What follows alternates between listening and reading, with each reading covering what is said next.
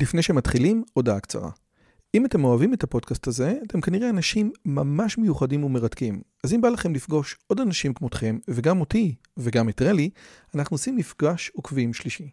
ביום חמישי, בתאריך ה-9 למאי 24, בין השעות 7.5 ל-11.5, אנחנו הולכים לקיים מפגש עוקבים שלישי בבית שלי בנופים בשומרון. מה בתוכנית? מינגלין וכיבוד עם עוד עוקבים מרתקים כמוכם, הרצאה שלי, דיון לגבי הערוץ, ציור בסטודיו ובסוף קומזיץ ופיתות על הסאג'. הרשמה מראש היא חובה וניתן לעשות את זה בקישור שבתיאור הערוץ או לחפש את הלינק ביוטיוב. נשמח מאוד מאוד לראות אתכם. ועכשיו, לשיחה. Can you learn a whole computer science degree from one of the most prestigious universities ever, MIT, all by yourself during a single year? And the answer is, of course not. But my guest today can. And moreover, my guest today think that he can teach you how to do it. His name is Scott Young. Hi, and welcome to my channel. My name is Roy Yozevich. And in this channel, I host and speak with the most influential and interesting people from all around the world to discuss science, creativity, learning, psychology, and artificial intelligence. If this is your first time here, please consider subscribing and hit the bell button. And my guest today is the ultra learner, Scott M. Young, or Scott Young is the author of Ultra Learning, which is a great, great book. And all the big guys in the learning industry knows Scott, and including Barbara Oakley, and including James Clear, and including all the big guys know and admire Scott's work. So, Scott, many, many thanks for joining me today. How are you? Oh, I'm great. Well, it's gonna be it's gonna be hard to follow that introduction, but I appreciate all the kind words you said about me. Oh, don't mention. Now, I mentioned you. I mentioned you in two of my books, and the, and one book that I call the Enlightenment Version 2.0, which basically encapsulate all the transformation that the educational system has, has been going through, including the MOOC revelation, etc., the massive open online courses. But just one chapter before the MOOC revelation, the MOOC revolution, I I spoke about YouTube and MIT OpenCourseWare. And mm-hmm. then I mentioned a young entrepreneur named Scott Young who had a, a, a, unbelievable challenge to take all the courses MIT offered through, uh, through its MIT Open Courseware and just learn them by himself. And all the courses, I mean all the courses, something like 30 courses doing doing just a single year. Now it sounds crazy. Why did you do it? Yeah, so uh, I I went to school and I got a business degree. And when I was thinking about going to study business, I was also thinking that I might like to learn computer science. And when I graduated, I was a little bit like, ah, I wish I had studied computer science. I, I felt like I don't know. I, I wasn't a fan of all the stuff that I, I learned in, in business school. And so I was thinking, you know what? I wish I knew how to program. I wish I, um, you know, program well. I knew how to do a little bit of programming. And uh, I was considering going back to school. I was actually looking into it, like what would it be like to register as a mature student and go back and do it. But I mean, that's not super appealing, especially if you already have one undergraduate degree. Getting a second um, you know, sometimes it just feels like you're dragging out the college experience. You know, you're not 18 anymore. You're, you know, you want to just kind of get on with your life. And I had encountered uh, one of these MIT open courseware classes, and I was like, well, this is brilliant. Like, this is taught by, you know, the best person in the field, you know, like someone who's going to win like a Fields medal, you know, and they're teaching you algorithms and, and the uh, classes often had um, assignments uh, so problem sets with solutions and they often had uh, final exams with solutions and so this was just kind of um, a sort of an interesting thought experiment to me is like well there's a lot of classes on here. Has anyone ever tried to just take them you know? And and admittedly just passing a final exam is not i don't want to make the claim that that's all of the college experience and you can reduce it down to that. Um while you people, are speaking uh, just a second while you are speaking yeah. i'm just going to show you sure. the mit open courseware and all there are a lot of courses over there. So please oh, keep, tons yeah. Yes keep talking please So the, the so I, I, don't I don't make the claim that you know obviously group presentations are important and you know essays and labs and getting to work with the big robot that has like there's lots of things in the MIT experience that I didn't get. Let me be clear about that. But I thought it was very interesting because if you were able to pass all the exams in a in a program, uh, presumably you would have learned at least some of it. Uh, you know, I think um, I think it'd be very hard to claim that you learned like nothing or nothing of uh, importance if you did that. And more importantly you would have covered what was learned. So it kind of you know even if there was maybe some experience that was missing you'd have this kind of breadth that where you're like well i know what's in that degree program. I know where i'd go next if i wanted to get better this kind of thing and so this really intrigued me. And I thought this was a fairly obvious thought. You know, MIT is a school that people pay hundreds of thousands of dollars a year to attend, and it's super prestigious. And they're posting all their education for free. And I know a lot of people just want the credential, but presumably people want to be elite engineers and programmers as well. And so I was thinking, you know, someone must have done this before. And I looked around and it didn't look like anyone had done it before. And that really got me interested because how often in life do you encounter a situation where uh, like you are the first. obvious thing no one's done it right? And so this this got me really excited. And and so the doing it in one year was admittedly now as a bit i'm a bit older and a little bit more maybe mature. I, I do see it as being a little bit more gimmicky about the process. But but the basic idea was well if you're not attending the classes if you're just watching the lecture videos and you can watch them at two times the speed and you can watch them at home in your pajamas when you wake up at seven in the morning and just get through the class. And if you can do an assignment and grade it immediately and learn from feedback right away rather than waiting two weeks until someone sends it back to you. If you can do in a final exam as soon as you're ready rather than you know waiting until the exam date and showing up at that date and this kind of thing then you know maybe you could do it faster too. And so learning techniques and studying strategies had been a major part of my writing effort and my thinking. When i was in university it was a major part of my blog and so this just seemed like a good kind of experiment and uh, it was a lot of work. So I, I want to be clear because sometimes people will come up to me and be like, "How do I do this in one year?" But I can only put like one hour an evening. It was like, no, no, no. It was about like 50, 60 hours a week. So it was definitely intensive. But uh, I loved it. It was it was just a life changing experience for me. I think that it really showed me that you have the ability to learn so much more than um, than you think you do, and and that you have the ability to learn a lot of things uh, that you might think in your head naively, well, no, I'd have to, like, I'd have to be at MIT, like, I'd have to go somewhere to do it rather than something that I could take the initiative and do it myself. And so, my basic feeling is that um, the the internet, the fact that we have so many courses available online, has created an, an immense opportunity for people who are eager and, and willing to learn. Um, it doesn't mean that everyone's going to take up that opportunity, and that's sort of the subject of my of my book, and and about how you know learning can be challenging, but at the same time, I think it prevents presents this sort of profound opportunity so that if if someone really wanted to study uh, a lot of different topics at depth you could do it you know for relatively low cost and um, and relatively low you know inconvenience you could do it on your own timetable. And so this was something that i think was was really powerful for me in shaping how i thought about learning how i think about higher education. And i mean i think some of the ideas i had about it when i did it about 10 years ago i have shifted since then. So i'm, I'm always changing my thinking on learning a little bit but i still stand by that as being a, a project that i'm proud of and and something that was at the Basically very least a great experience Okay, yeah. now it, has been six or seven uh, minutes into the conversation, and I think that this is a great uh, place to uh, introduce the elephant in the room. Now, mm. many people, many people consider MIT Open OpenCourseware to be a complete failure, and the and the reason is that no, almost no one takes the courses, although they are great and you yeah. can see you know the decrease uh, the decrease between you know lecture number one and lecture number two all the way to lecture number 17 so you start with lecture number one yeah. and it's like 20000 people and lecture 17 is 400 yes so yeah. and and and and the elephant in the room says basically the following so you managed to do it 32 or 30 courses in 33 yeah yeah 33 and it's a very hard word for Israeli to say 33. 40 is much better. Now, okay. Now, because of two traits, two qualities that you have, yeah.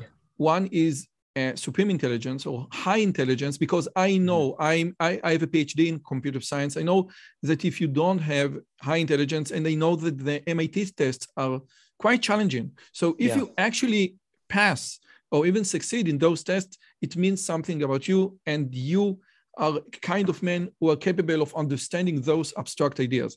And the other thing is perseverance or grit, or as you call it in Israel, a big butt to sit on. Now, Mm-hmm. If you don't have those two qualities, so basically, again, MIT Open Courses is a complete yeah. failure. So my question is, what message can a normal, can the average Joe can extract from your endeavor? Right. So I think I think both of those things you said are true. I think that the uh, you know I don't I don't really have much thoughts about my own intelligence, but I definitely know that um, you know mit is hard classes right and and so i'm not making the claim that if you know oh everyone who is you know takes longer to go through something like this isn't you know that, that's not my that's not my point i'm not i'm not trying to um, discourage people or, or, or do this in a showy way it was just uh, for me um, just kind of a, an experiment in possibility and so i think that's important to highlight because i think sometimes people can get a little too fixated on, well, you know, I want to be able to do exactly the same thing. And I don't think that that's necessarily realistic. My feeling is that, you know, when I when I watch someone who is excelling at any domain, um, I don't necessarily think to myself, oh, well, I should be able to do exactly the same thing. But I do appreciate that, well, if I understand how they're doing it and how they're approaching it, maybe I can emulate some of that. So this is something I think is true in, in all learning domains. You know, if you see someone who's an elite athlete, elite musician, elite chess player, you know, I don't see a Magnus Carlsen game and be like, oh, well, therefore I can be the world grandmaster, you know, at 17 or something like that. But maybe I would learn something about how chess works from him. And so that's what I try to do in my book is not really make the argument that, well, everyone could do the MIT challenge the way that I did it, but that there are some principles there that probably apply. So one of the ones that's really interesting is that uh, you know this is 10 years ago. I was doing the watching the lectures at a faster speed, and many people wrote to me making a claim, "Well, you're not going to understand anything when it when you watch them at a faster speed." And I was like, "Well, that doesn't seem to be true," uh, but you know it's kind of hard to deny that uh, that sort of argument. Well, it looks like there was just recently, 10 years later, a study published showing that actually when you watch lectures at one and a half to two times speed, um, you mostly can comprehend it, that your ability to comprehend is much better than people's ability to speak. This doesn't mean that you necessarily understand everything in depth, but that was also true at that one time speed. And I, so this was I, this I was something you, that I think was very interesting. Mm. I must tell you that I have a teaching assistant who takes two separate degrees sim- simultaneously. So one yeah. in computer science and the other in psychology. Right. And he he has a lot of courses each year, and yeah. he puts the courses on. Uh, four times. Four times. Four Depends times on the person. Four times yeah, so can sometimes times be incomprehensible. Yeah. Yes. And he told me I can so he cannot listen to my lecture on four times. So my lecture is only on three times. Okay.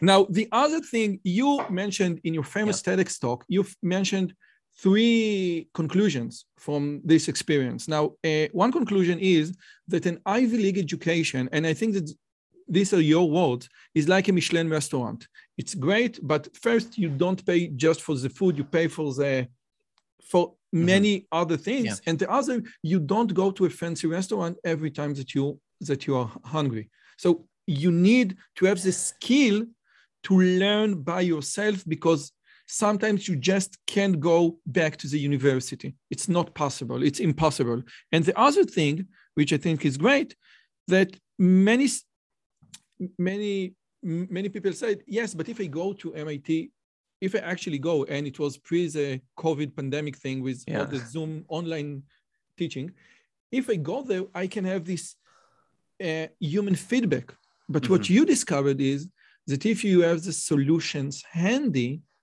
this feedback is a much faster and b much better in in in the context of learning. So if you could please elaborate on the second point, because I think it's extremely important. Yeah, so I- am trying to remember the order of my points. the The second point was about the every time you go to eat, you don't go to the Michelin star restaurant. No, no, no, no. The, the, the second point? point? no, the second point was just that if you have the solution handy, oh, so oh, okay, that one, right? Actually, make a progress. Yeah, so uh, this is a really interesting idea. So, uh, first of all, I also want to say that it's clear that having a tutor or coach or someone to give you individual feedback is good. I'm not making the opposite claim. What I am claiming is that that's not actually present in most universities. That yes, you can go to office hours and get a little bit of help from a busy professor on one of your there's no one sitting next to you and helping you on each of these problem sets. Maybe you can, you know, like twist the arm of one of your classmates to do it for you. But I know my university experience. I know the university experience of many people. And I'm like, well, you're mostly on your own. I mean, you get a little bit of help here and there, but that's about it. And so this myth that higher education is this just like, intensive dialogue between students and professor is just BS that's not actually how most universities are run. You're sitting in a class of 300 people. You you take notes and then you go do the assignments. You hand them in. You get feedback two weeks later. You do the exam and you get whatever grade you get. Is is the i would say the modal experience. Now you can seek out professors. You can do things. I don't want to say it's impossible but i just want to say that this this kind of critique of online this critique of online education that like oh that there's some some beauty of in-person learning where it has all this rich feedback and dialogue i just like think Plato is nonsense. And aristotle walks down the aisle and speak. It would be great if it were mm. true but it's not. And i think you know the the sort of elephant in the room a little bit is why does in-person learning work better? Well because you have to do it because people force you to do it because you're if you don't do it you won't get your degree and you won't be able to get your job and all this kind of stuff. So this this holding moocs to this very differential standard where honestly the credentials are a lot weaker um, I think is just a really unfair idea. If you remove the credentials from Harvard and still had the in person classes, I don't think you'd see much difference. That's my personal opinion. So I don't think it has anything to do with the in person learning environment. That's true at college. I think at the lower grades, the in classroom environment's a lot more important because uh, younger kids have less self-regulation abilities. Uh, a lot of teachers will know that in you know elementary, primary school, a lot of it's classroom management, keeping kids on task, this kind of thing. But at the university level, the assumption at least is that kids do this and that they should be able to do it, and so there isn't as much support provided. You know, you're you're not working on your assignments in the lecture class. You're working on them at home which is what that's exactly what i was doing.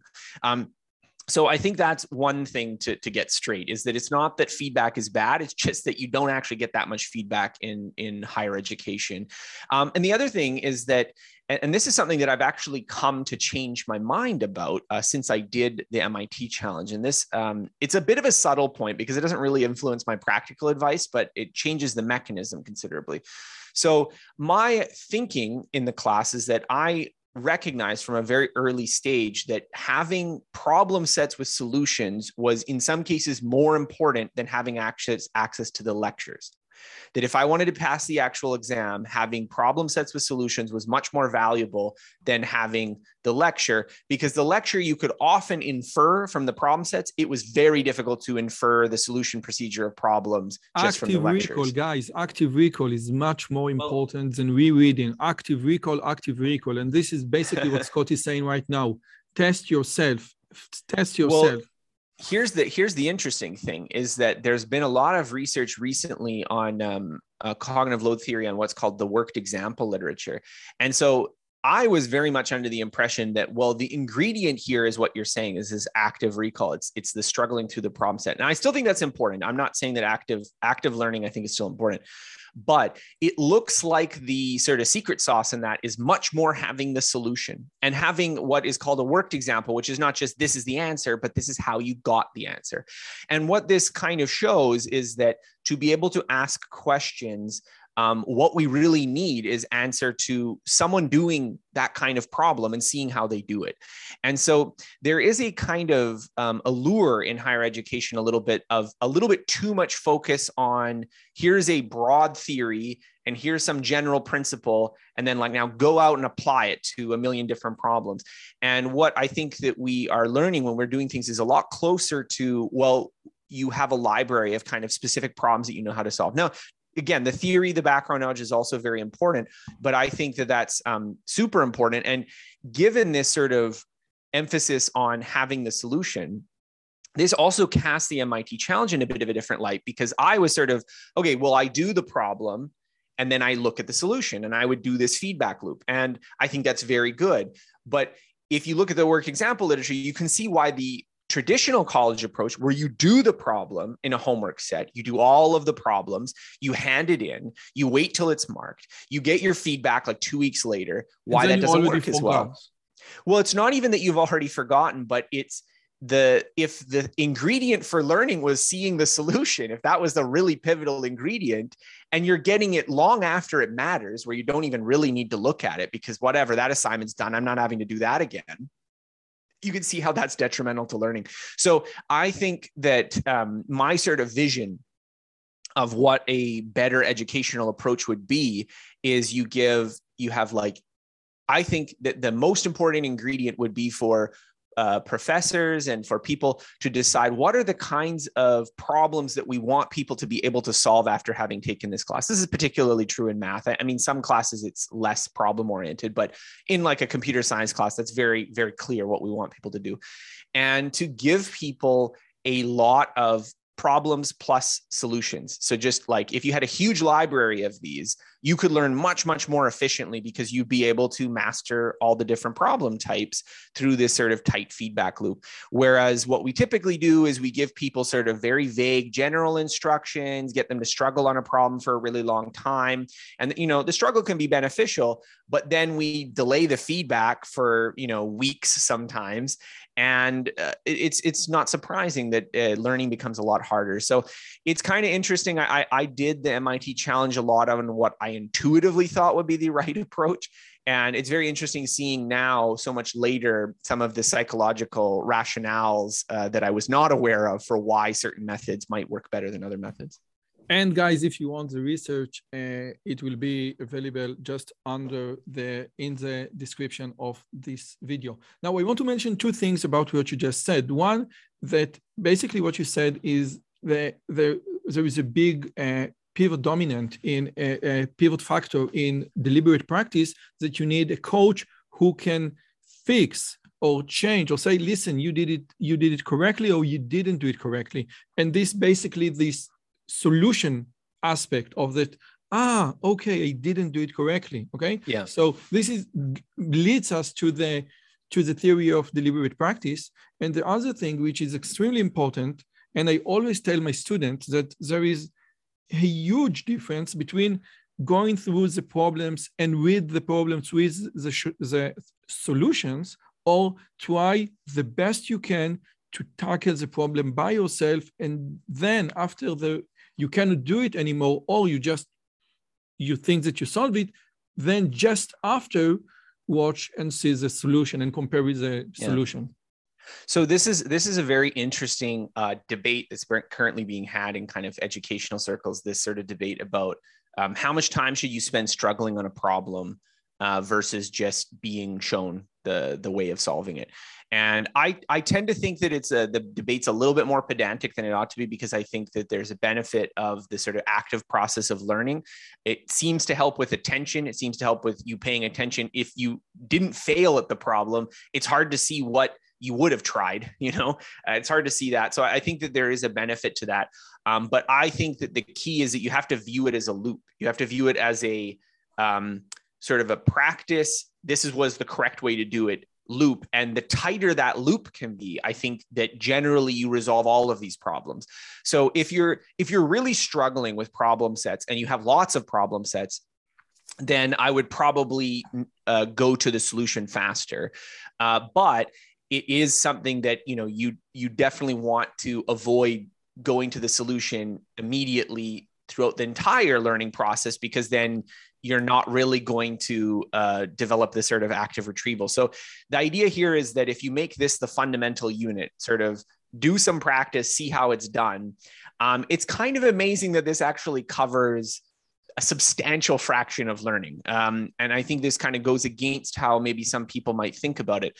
Now, I think there's another separate issue of, uh, well, how relevant are the things that you're practicing in university to the things that you want to do in real life? But at the very least, I think that, um, you know, if you're going to learn a difficult mathematics class, this kind of um, practice loop is going to be uh, essential. And so this was a major factor. Now, I, I want to talk about something just very briefly because you mentioned it before about, um, you know, well, most people don't use open OpenCourseWare, and I would say I think the major reason for it is that open OpenCourseWare is not as user friendly as Coursera. Uh, there was a lot more stitching together. I had to do a lot more work to make the curriculum work. So I think part of that's on OpenCourseWare for being more difficult. And then second, I think the problem is that uh, most people are not ready for MIT classes. Like to, to do MIT's intro calculus class, you'd have to have probably done well in AP calculus in high school.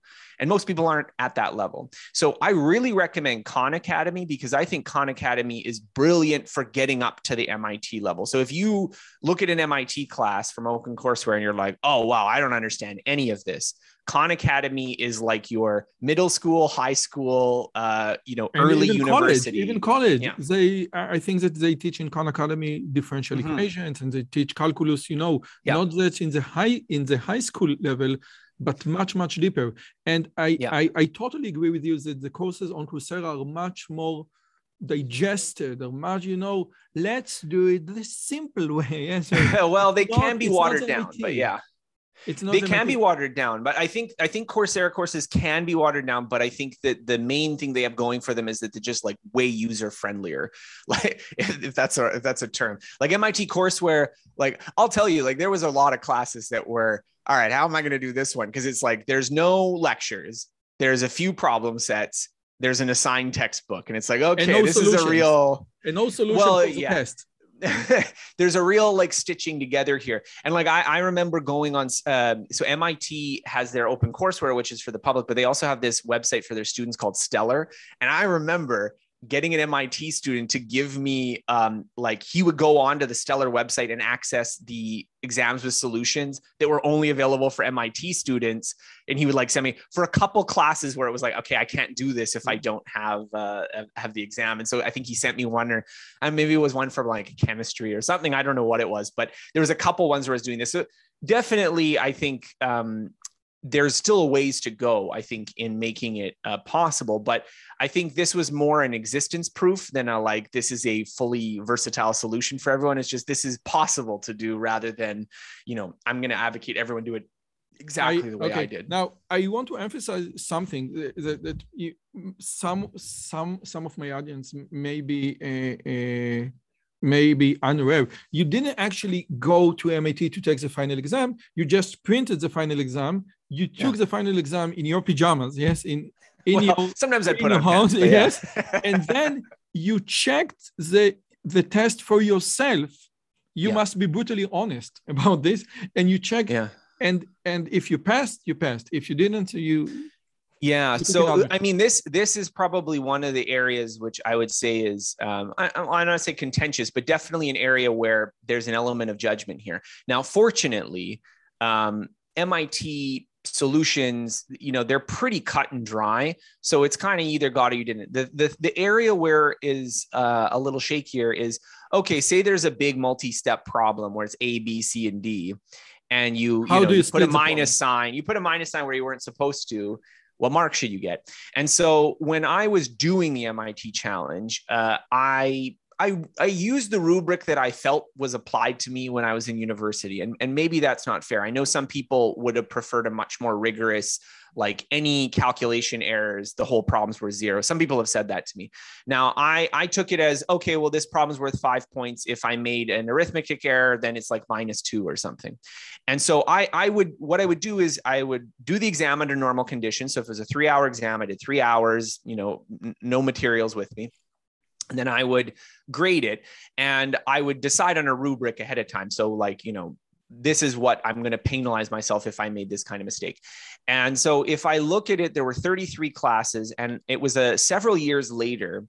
I was thinking about this. This was prior to publishing Ultra Learning. I was like, well, you know what? What if I did take the extremely like rigorous? If you make any mistake, it's you know there's no part marks kind of uh, approach and when i went through it there were six classes, six final exams that would have gone from a pass to a fail if I did that. So you can think about it that way that the sort of 27 or 33. So I'm not trying to make the claim that I was perfect. I'm not trying to make the claim that I, I got 100% on all the tests. Uh, they were definitely hard. And so for a lot of them, you know, I was going for a, a pass fail benchmark. And so I think for me, if I have to reflect on it from this sort of distant vantage point, um, the major weakness I had doing the MIT challenge is that for the calculus and algebra heavy classes, my procedural fluency with doing the complex equations was not as good as it could have been. And so if I had gone a lot deeper into physics, that would have hurt me. So when I did the I did this quantum mechanics project later, and yeah, I yeah, I, I wanted me. to I, I I wanted yeah. to address the quantum mechanics. You know, study with me four hours quantum mechanics, can with a bracket. yes. So I wanted to address this. Uh, uh, this yeah. endeavor afterwards. Now, uh, would you say that universities should let people like you take the final exam? Now, it, it it's not it, it's not going to be like a, a, a legal MIT a, a legal MIT yeah. Uh, degree because MIT degree, degree costs like yeah. ten uh, one hundred thousand dollars, but but it, yeah. it might be an MITx, okay? And MITx will uh, will let you just uh, sign up or, or, or, just you know pay to do the final yeah. exam. And then you have like a diploma. You get you get an MITx diploma. Would you think that this uh, move will be beneficial to students or just beneficial to Scott Young? Um like doing it like sort of a degree by examination? Well i personally have always been of the opinion that um, a lot of university has a lot of waste it has a lot of you know adhering to certain traditional standards that make it you know they have lofty uh, pedagogical rationales for things but i think if you just nakedly look at it the higher education system it creates the waste that it creates is punitive for a lot of students requiring all students like here's here's the best example. If you study in a foreign country your engineering degree and then you come to America or Canada, they often make you repeat large parts of the degree. And a lot of people who, you know, have kids and they have to pay job, do jobs and this kind of stuff, don't do it. And so what do they do? They get a job as a janitor, a taxi driver, doing something else. And they're just like, you know what? It's just too much work. And so I think this is enormous societal waste. And so I, I definitely am in favor of the idea that if you can pass the exams or whatever, whatever exams people dream up for that they think would measure that you know the competence, then you should be able to get at least something. Something that tells people, no, I know how to do this, or I have this knowledge that I'm expected to have. And so I, I tend to favor that approach. Now, the approach that I took admittedly is not i don't think is going to pass that bar. Like you know marking an exam yourself there's just too much room for sloppiness and, and cheating there. As i said this was more an existence proof than a fully worked out solution but i do like the idea of schools offering um, it doesn't have to be an MIT degree, but yeah, maybe an MIT X diploma or something. Now, the question is what the label, labor market will think of these uh, degrees, and that's another question. So, but I, oh, I leave that oh, up to and people. And this so. is yes, I, I had this question. Yes, I had this question. What with how do you achieve an academic achievement? Yes, that will yeah. impress employers without academic degree. So one thing that I can think of is like the Coursera certification, TensorFlow certification, AWS certification, etc. And yeah. Coursera gives a lot of those cert certification on LinkedIn. But what do you think? Should we think about this, this, this whole thing, this whole certification thing differently? Because I want to learn and I want, you know, there is like the famous Elon Musk quote I don't care where you go to school, which university you went to. Yeah. I just need results. I just need need to know what you are capable of doing. And yeah. is there a way that you think that we can go in this very positive direction, that I can show you what my academic achievements are without having to go through the entire process of a degree and yeah, well, money is, and money. Mm-hmm. Well, this is something that I, I have thought a lot about, and I think uh, it's it's a complex issue because I think it's arguable, at least, that a lot of the academic skills that you learn in university that I think have, you know, learning how physics works or learning how biology works these are all like important ennobling activities. So don't get me wrong. I'm not saying that you know learning them is a waste of time. I love learning these things. But it's also pretty clear for me that they don't play a major role in your productivity on the job and what plays a major role in your productivity on the job? It's being competent at work tasks and there is some argument to be made for different layers of expertise so that, you know, to be able to perform more flexibly in more situations, you need to have a, a deeper foundation. You know, the argument that the person who can code up a website in HTML is different from the person who can write a machine learning algorithm that will solve some important problem. You know, the latter is going to require a lot of advanced math and theory that the, the former does not. But I think it's also true that there's probably a lot of things that we teach in school that are academic skills that are merely academic. They do not actually translate to professional performance. And so, why do universities put such a premium on um, on on going to school well i think it's because it's this package deal you learn some useful skills you learn a lot of useless skills you learn some uh, you're socialized into a kind of a more elite strata of society. You uh, you demonstrate to people that you are willing to conform to an intellectually demanding task for a number of years. So there's all this sort of me- weird mix of grab bag of signals you're showing when you go to university.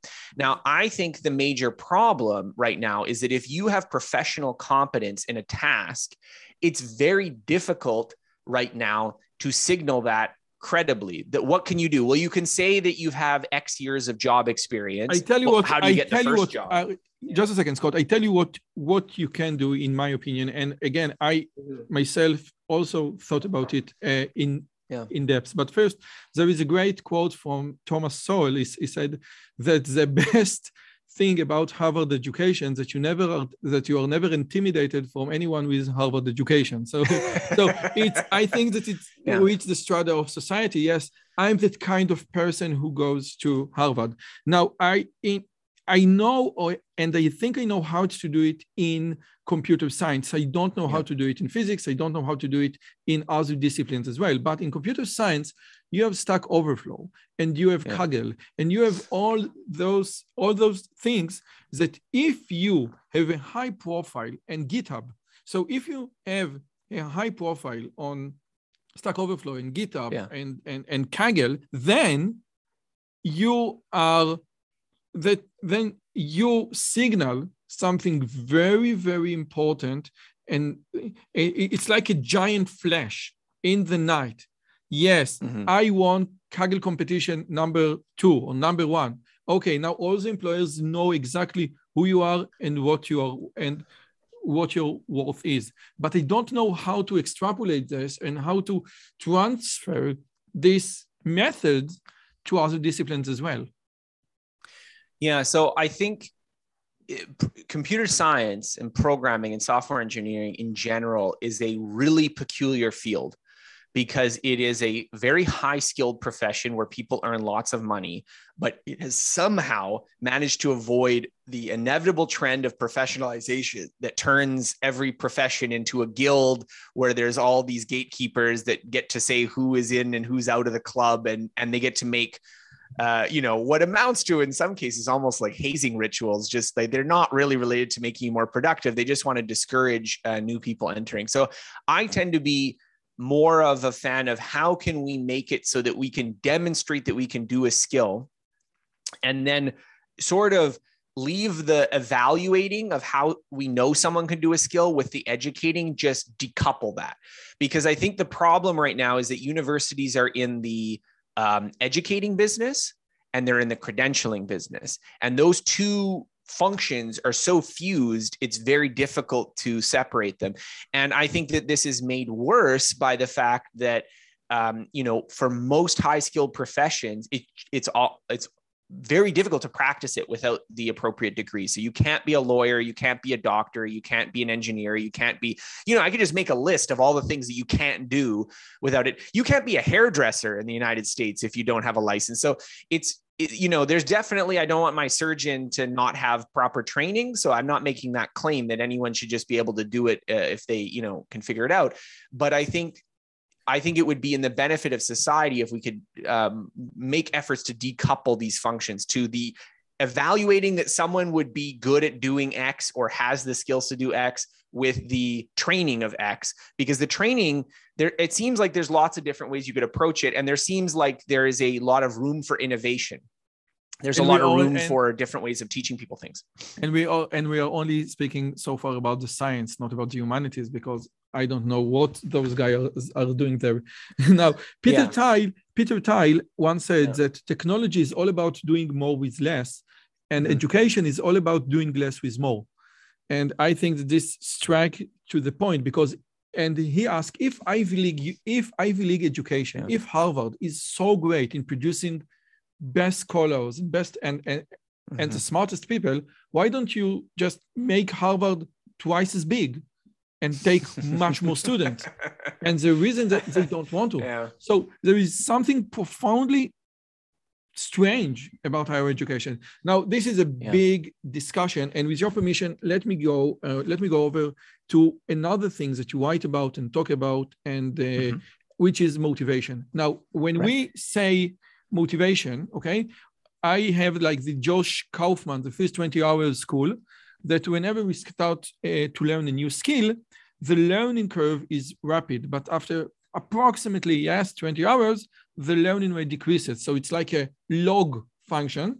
Yeah. and so josh kaufman basically says the gist of what he says that focus on on the first 20 hours since motivation mainly comes from previous success so if you have yeah. big success now i cannot harness the I, I can't harness this method to what you're doing because you invest much much more than 20 hours in your MIT challenge and then in the uh, Learn Quantum Mechanics challenge. Right. So how do you keep the motivation way beyond the first 20 hours? That's a good question. I think uh, I think motivation is a is a deep issue. So what you talked about is definitely true. Uh, we're motivated based on past successes. And so, my advice to anyone who is approaching something in a domain where they have low confidence would be to start building early successes. Um, now, it's a little bit tricky because when you know it's what do you count as a success, right? But the idea here is that uh, you know you can accomplish more ambitious things when you're more confident um, because the confidence allows you to persist through a lot of failure and discouragement whereas when you don't feel like you're good at something you kind of say to yourself oh this is this is impossible i can't do it success so, brings success yeah. Basically. So I, I really like there's this um, rule that uh, the educational psychologist uh, Barak Rosenshine uh, had, and he did this um, review of effective teaching strategies. And what he found was that this is in classrooms, but I think it applies elsewhere. Uh, was that effective teachers kept success rate of their students around 80%. So when you and I'm talking about like individual questions, individual things, you should be able to get them right about 80% of the time. And I thought that was very interesting because um, certainly in the new phase of a pursuit, you may not hit 80%, but it does show that um, at that level, you can kind of sustain motivation just by prior competence. Now, you can get into situations where the success rate is going to be lower than that, but I think it's one of those compensatory functions that, well, those are going to be frustrating situations for you. And so if you have no other route, then that's still the way that you have to go forward. But it it does mean that, well, yeah, of course, it's going to be more demanding on you. You're going to have to have more confidence. It's going to have to be a project that's more important to you. You're going to have to devote more resources, make it a priority in your life, et cetera, et cetera. But I think uh, the extent to which you can break down a learning goal into actions you can take with 80% success is, is a useful heuristic. I think you say that this is similar to the flow theory of Mihaly Csikszentmihalyi. Yeah, Csikszentmihalyi is yeah. It's basically the flow theory, or no, because flow theory is something completely different. Because I don't know. I don't know. For me, the flow theory was always about the lack of deliberateness. Um, I know that some people view flow in terms of a level of success, but I uh, personally, I, I, am not uh, so I, I can't say what his theory meant exactly. But my understanding of it was that flow was a I, I consider flow to be really closely related to fluent performance of a skill. And so, one of the reasons I'm not always a fan of flow when it comes to learning is that the idea of flow is that you you are sort of relying on kind of well-honed skills that you don't have to think about a lot to perform a task. So there's not that much troubleshooting, problem solving. It's very much kind of, ah, I do this, I do this. So you can think of it athletics or even a lot of intellectual activities where you've um, done it quite a bit. Now, maybe I'm wrong, uh, but I think that um, you know definitely there's points in the learning process. Um, I know Anders Ericsson of Deliberate Practice was often a critic of uh, Csikszentmihalyi, and like in his view, a lot of what we're doing when we're learning is is sort of going against the flow impulse that we're sort of okay i have to deliberately fix this thing that i'm doing wrong so you know you can definitely think of that in situations where okay if i'm speaking a language, for instance, uh, and I know that I'm sort of speaking ungrammatically in a certain way, I might decide, okay, this conversation, I'm going to fix all those grammatical mistakes. That's very much not flow, right? That's a very deliberate interrupting your own fluent performance kind of. Tell me about this. well, I think I think there's there's there's trade-offs to it. So we can get into the whole deliberate practice and you know all of this kind of stuff uh, as well. But but I think the 80% rule is a little bit more broad than what psychological state you're in when you're studying. It's just more of an idea that if you have things that are much more difficult than that, then it's it's very easy for people to tune out and just decide this is too hard for me. I can't do it. I give up. But and why, I don't but- think. Mm-hmm just sorry, but how does this keep the 80% level of correctness coexist with uh, the the learning curve because yeah. after you, you know when you learn quantum mechanics or when you learn like yeah. very hard abstract or when you yeah. you learn how to draw faces which is great like you you follow the route of richard feynman and when you when you try to do it sometimes just you it's either that you can't achieve 80% because it's too difficult, yeah. or you can achieve 20, 80%, but you're just going over and over and over the same thing over and over again. So yeah. there is a problem. Well i mean again it's it's a th- this is the challenge is that it's often difficult to uh, break down uh, a learning task into that sort of increment. Now i think again the, the idea that learning is um, steepest at the beginning is probably true I don't think that um, so the the model he's talking about this learning curve um, uh, being an exponential or well it's probably a power function but that's a whole separate discussion. But the the the, the learning curve having that shape is true but it's true mostly for learning a single thing. So um, you know if you consider a component process uh, lots of things exhibit learning in that way where you uh, you sort of quickly improve and then it gets so like you know rem- memory of a fact or performing a particular um, like automated skill uh, will go that way. But the thing is is complex learning is is more difficult than that because you're always learning new things right? So if you're learning a language it's i don't know whether it necessarily follows that curve because the issue is every single word is kind of like that sort of curve right? So it, it always has that that issue. And so my my feeling about it is that um, you know, you were talking about the quantum mechanics challenge. Well, there's new content throughout the entire course, right? So you could like a degree is going to be four years, and you can have something that would take you 20 minutes to learn. And so I do think that the Josh Kaufman is correct that getting that foundation right, knowing how to start is very important. I think that that is very important for motivation because it's uh, it's those early moments that often de- that first 20 hours that determine whether you're going to stick with something but I think it's also obviously true that many skills are going to take way more than 20 hours. I mean, I think the critic, the criticism of me that I, I, I agree with strongly is that, you know, I go to Spain and we're speaking, you know, okay Spanish after three months, and people are like, oh, well, you know, you can learn any language in three months, and then the people have spent, you know, 16 years doing it, be like, oh, this is BS, and it's like, well, of course, they're totally different things. Like to be perfectly fluent at an educated level, yeah, that is going to take decades, and so I think. Um, skills have their own sort of natural timeline and so it's it's it's kind of ridiculous to assume that oh i can compress any skill any particular level of performance into a given time frame. But I think the idea uh, of both Kaufman and myself, which I, I really stress, is how you get started with something, how you get the ball rolling, how you get your kind of grasp in a field is super important because that's often the part that's trickiest. You know, the hardest part of programming is I've never written a program before to the point of I can sort of autonomously write some of my own programs. Like that okay. transition is really hard, you know. And from then we are going, you, we move on to your next challenge, which was approximately one year after the MIT challenge. And it was yep. one year uh, uh, three months uh, in Spain, in Brazil, yes? Yeah, yes. And in China and in uh, South Korea. South Korea. Yeah. Not North Korea, because you are back here with us. And the challenge was to three months, you and a friend speak no word in English, and just from the from the moment you land, you just speak the local language. So it was yeah. pretty. So it, it was relatively easy or accessible in Spain and uh, and Brazil, but much much harder in China and Korea. Now yeah. I've read Benny Lewis. Uh, I've read Benny Lewis Fluent in three months. Yeah, and which is a great book. By the way, yeah. can you hear me? Yes, yes, I can. Of course. Can you hear me? No, because there is like a big rain. So anyway, I've read Benny Lewis Fluent in three months. And one thing that he speaks in the book, he said, you need first to define what fluent is.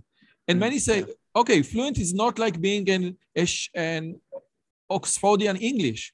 And he yeah. said, I have a measurable metric, and this metric is B2, or, or it's, a, I think it's A2, yeah. B1, it's A, it's, so if I have a measurable metric of what learning is, it is much, much easier to learn the language.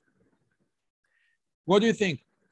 Um, yeah. So fluency, I, I never used the word fluent uh, in our project, and I did that on purpose because it means it means nothing. Um, I would say technically, fluency means that you are able to speak without major pauses. That would be, I would say, the strict definition of fluency. But it's very clear that you can speak without major pauses and not be particularly good in the language. So most people, when they think fluent, they think perfect or you know you are you speak it like a native. And those are just such vastly different goals in my mind that to use a single word to describe it is misleading. Because if you say oh i was fluent in spanish after 3 months well by the first standard we were.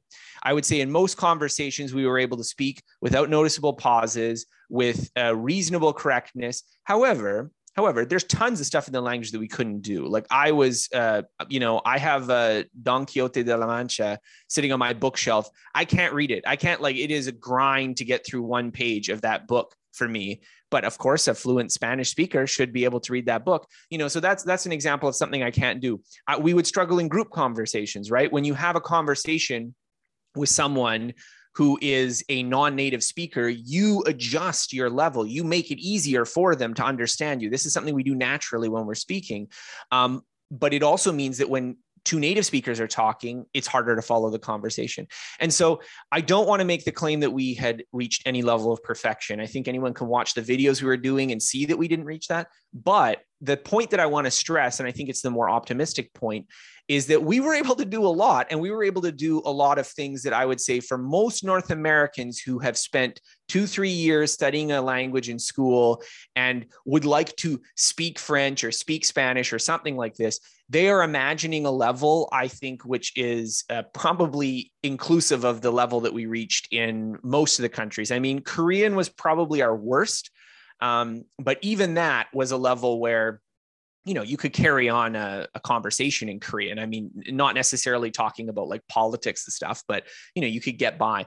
And so i think that there's a lot to be said for the approach that we took that we took. I think that there's a lot of things that people have maybe misconceptions about it but i think that um, the the this is the approach that I would advocate for language learning across the board, which is one that focuses on getting you into a situation where you need to use it to communicate. And you, I mean, need to use it to communicate. You're not going to want to use it. And I think that's where I differ from some other people who are like, well, we should never put too much pressure on the students to produce language. No, no, no. Yeah, you learn a language you have the story of it. being in China without anyone speaking English, and you're just looking for for Oh, the China person for the uh, Airbnb Yeah, yeah, version. So yes, it's like you must speak the language, otherwise you will sleep in the street. Now, this is this is something that I think is important to point out. I am not a fan of saying, well, you should attempt this immersion from zero. Attempting immersion from zero is the hardest possible point to do it. Um, clearly, if you'd spent three years studying it in school, that would be a relatively easy point to start immersion. And although easy might be relative, uh, relatively speaking, there, I do think that people um, wait too long to start. So my kind of rule of thumb was that, well, for uh, a European language, you could probably get started after a month or two of Pimsleur. For an Asian language, I think that you definitely want to do conversation practice in the beginning, but for a like switch my entire life into the language, you know, China, I did about 100 hours and it was still a bit of a grind in the beginning. And Korean, we did almost nothing. And I mean, we did make it work in Korea, but it was a lot of studying in our room alone, which like you, we didn't need to be in Korea for that. So I think there's definitely a, a balancing point, but I think people tend to put the balancing point way too far in the future. So they spend eight months with Duolingo and they haven't had attempted one conversation yet. Okay, They're okay. like, Why is my now Spanish you not very said good?" you you said in a recent interview, and many people said, "Le- guys, Pimsleur is great, but you said in a recent interview that you don't like Duolingo because you don't construct a sentence, and the single most important thing when when uh, Yeah. when getting the skill of a new language is to get this very word that you are looking for and and put it in in the right context or in the right place in in a sentence. So if you could Right. elaborate on this. So why duolingo is inefficient for language learning in your opinion my my views on Duolingo have shifted. I think uh, I really didn't like it when I, I started language learning. I thought, well, this is just this is just a toy that you play. This has nothing to do with language learning. I think I I kind of it's not my style. I wouldn't use it to learn a language. I wouldn't recommend it as a as a beginner resource. Um, but I think the main thing it has going for it is that it's super easy. And so that's why people like it, you know. So I don't want to. I think I'm shifting because I, I feel like I was too hard on it. Uh, of it- like, well, there's zero benefit. I think there is some second, Scott. benefit. It's I think, not yeah. just Scott. Just it's not just that it's super easy. I have gone through uh, uh, Yeah. Pimsleur on French and Duolingo on French. And Pimsleur, I just heard the MP3, so I didn't know how to write anything in French. So, Oh, that's so true. Yeah. Duolingo gave me this how to write, how to write, or Well, it's also read. clear. I don't think that I don't think the approach to learning a language would be to stick to Duolingo. So I think Duolingo, or sorry, not Duolingo, Pimsleur. Uh, Pimsleur also quickly reaches a level where it's kind of not helpful anymore.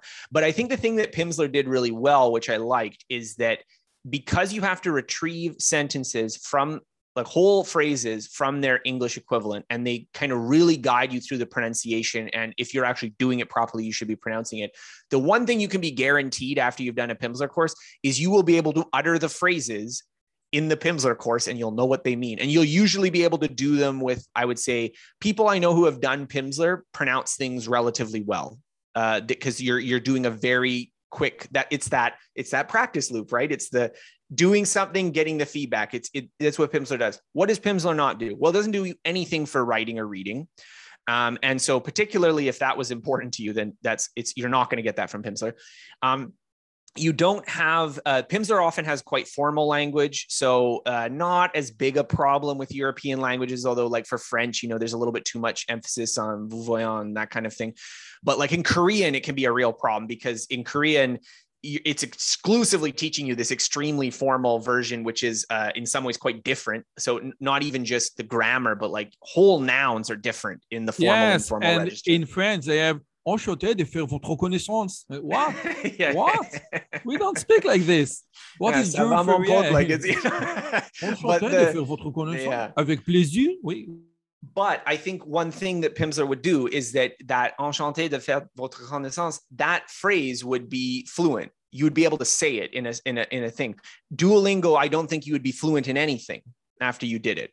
Now, what flu what but maybe that's not the purpose of Duolingo. I would think I was too critical on it initially because I thought, well, if you're not fluent, I'm like, what, what's the point? But I think um, it does give you sort of exposure to the language in an easier setting so that if you were later to become fluent, you probably would learn it a little bit faster. Now, I, I, how valuable that is, I don't know. I, I just, I don't think it's particularly worth it. For me, I think what I would focus on would be a lot of like, I tend to focus on how can I get to a having a conversation stage very early and how can I uh, speak to people because I think that that's the goal most people want.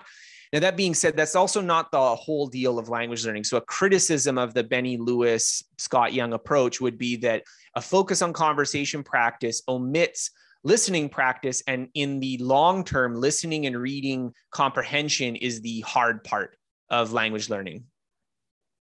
oh, sorry. Even, even, even when you try to listen, because in French, you know, yeah. the, the, the, the guys in Paris speak, I know whenever I try to watch a, a French movie, yeah. I cannot do it without the help of my wife. Now, if she like takes a sentence and just repeat it slowly, I can get yeah. it.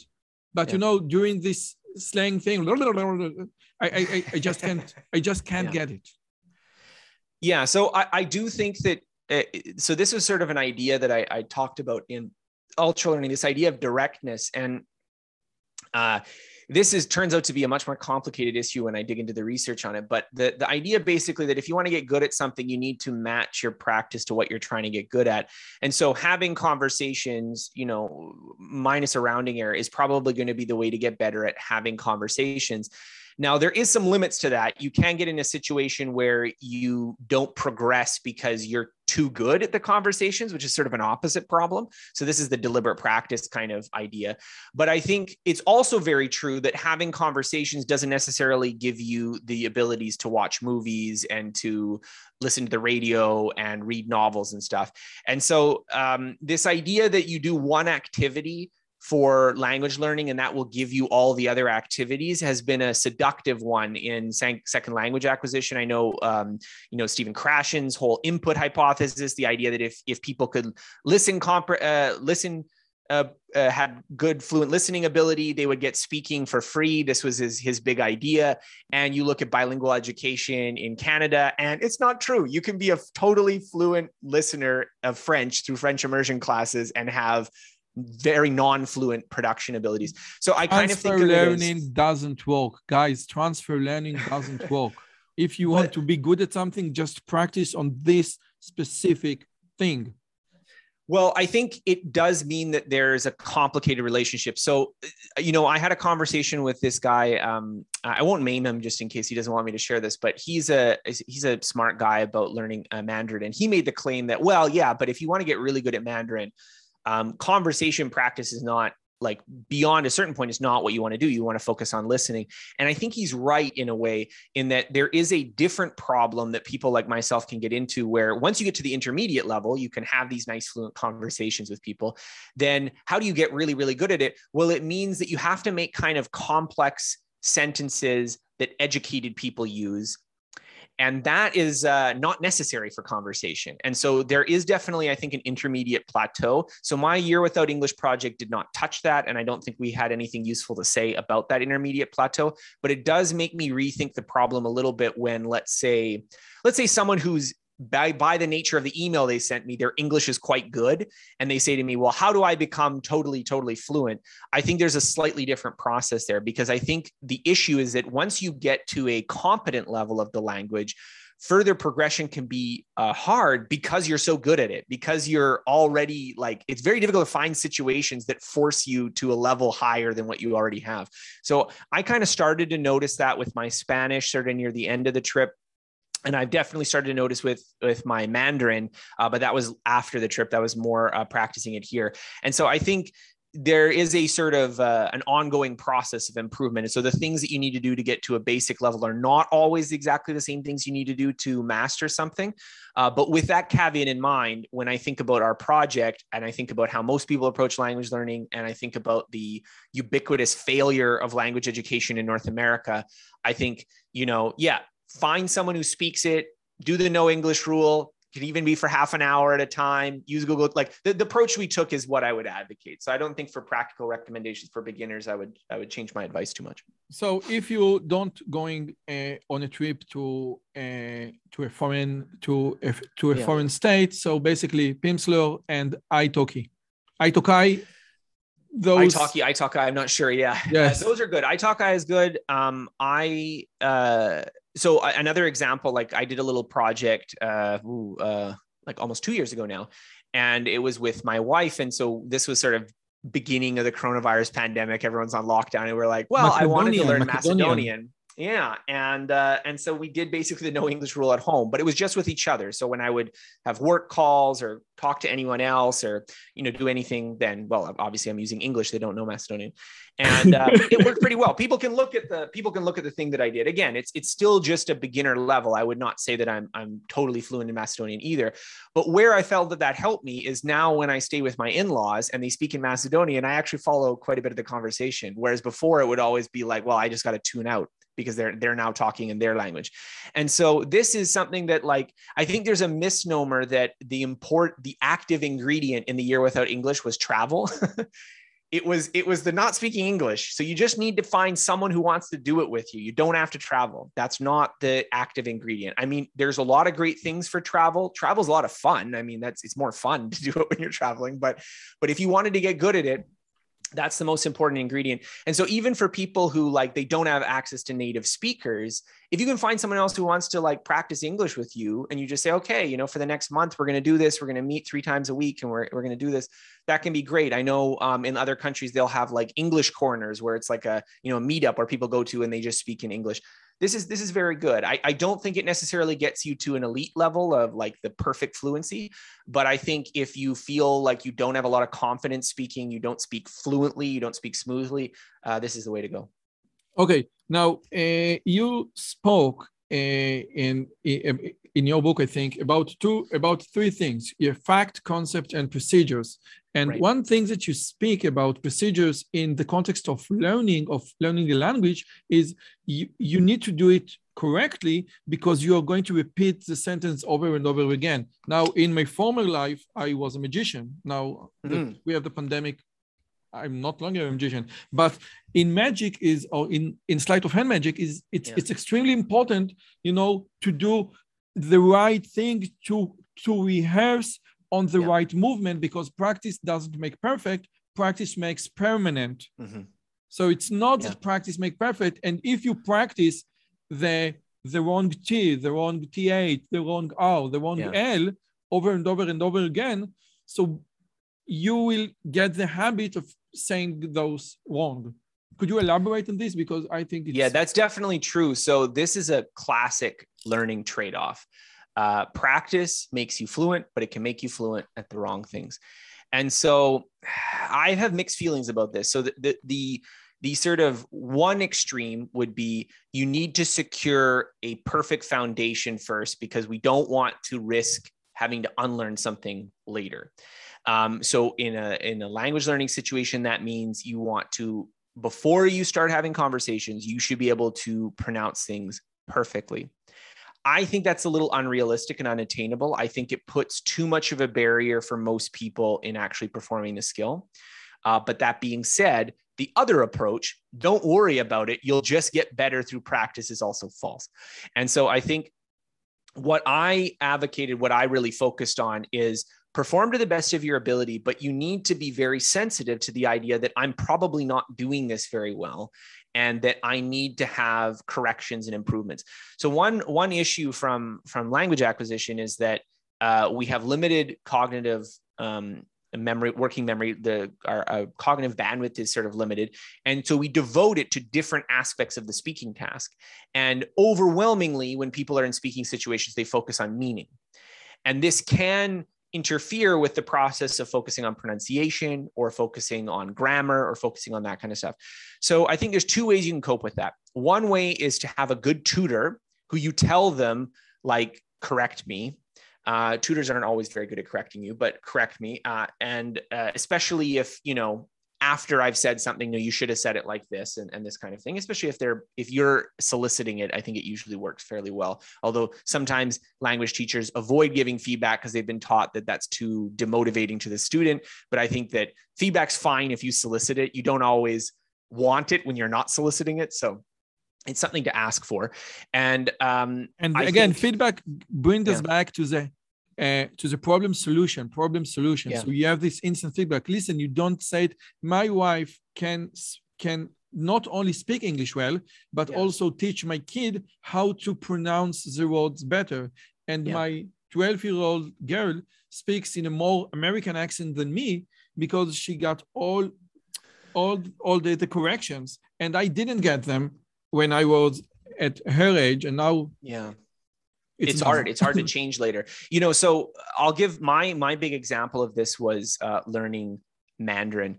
And mandarin is uh, very difficult for westerners to learn to pronounce correctly. Uh, it has tones.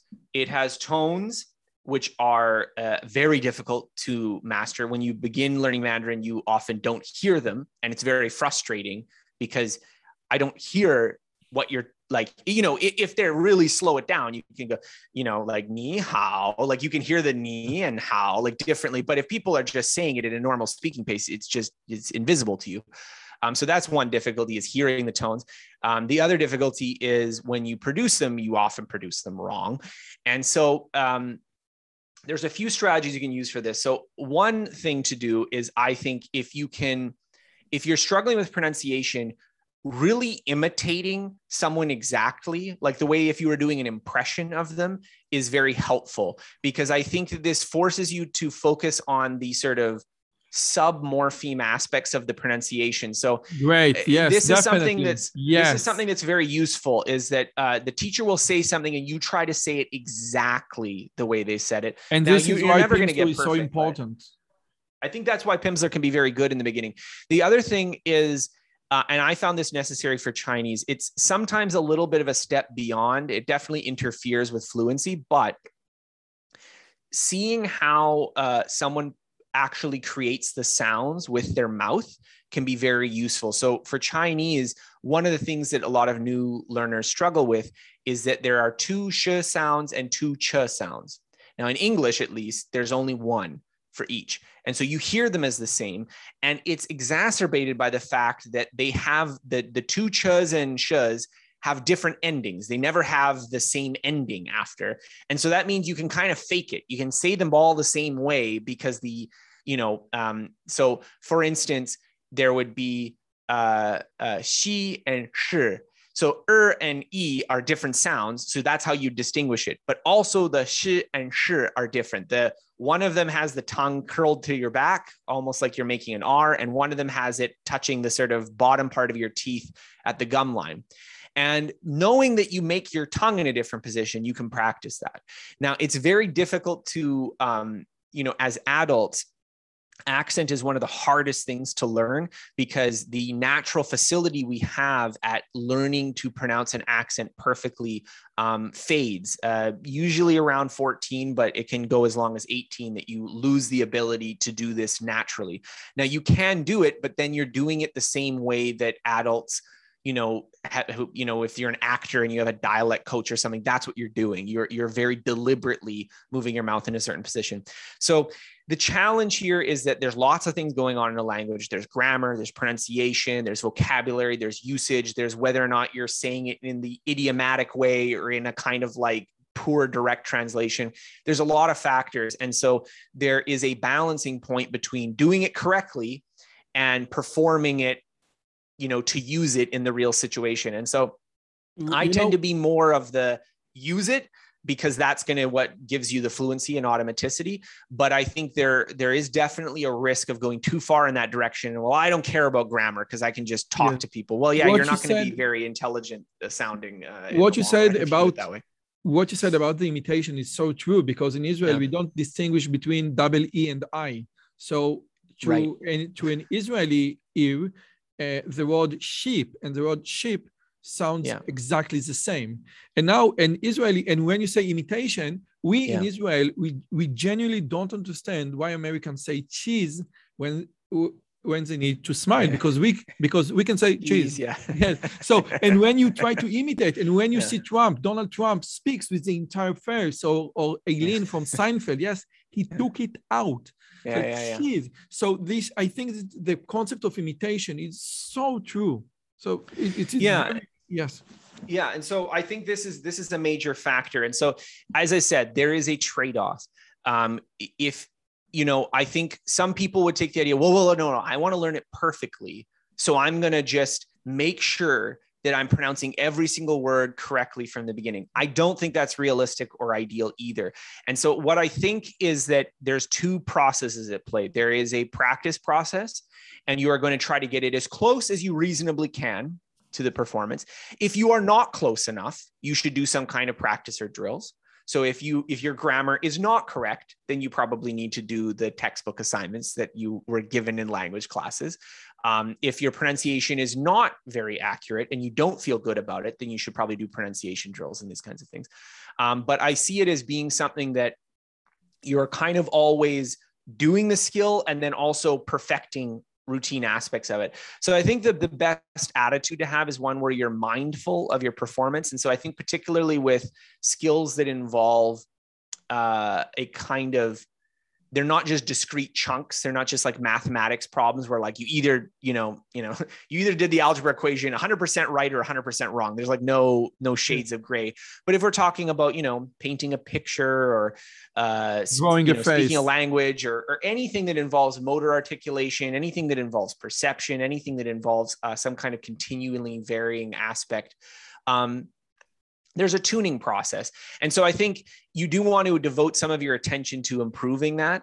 Um, and I, I do think it can create problems later if you're very fluent uh, because essentially the problem is that you have to get a lot worse to get better. Okay. and so for you to improve your accent to totally native levels you would have to speak for a while in a very disfluent way and that's very hard for people to do um, so i think it, it can be a bit of a, of a difficulty you know I and, and even for me i think that would be a difficulty I but- think that the, mm, the the most important epiphany I had regarding my accent was the distinction between pronunciation and accent, and I Mhm. came to realize that in this life, yes, Yeah. I won't have an American accent no matter what, but I Yeah. can't improve my pronunciation.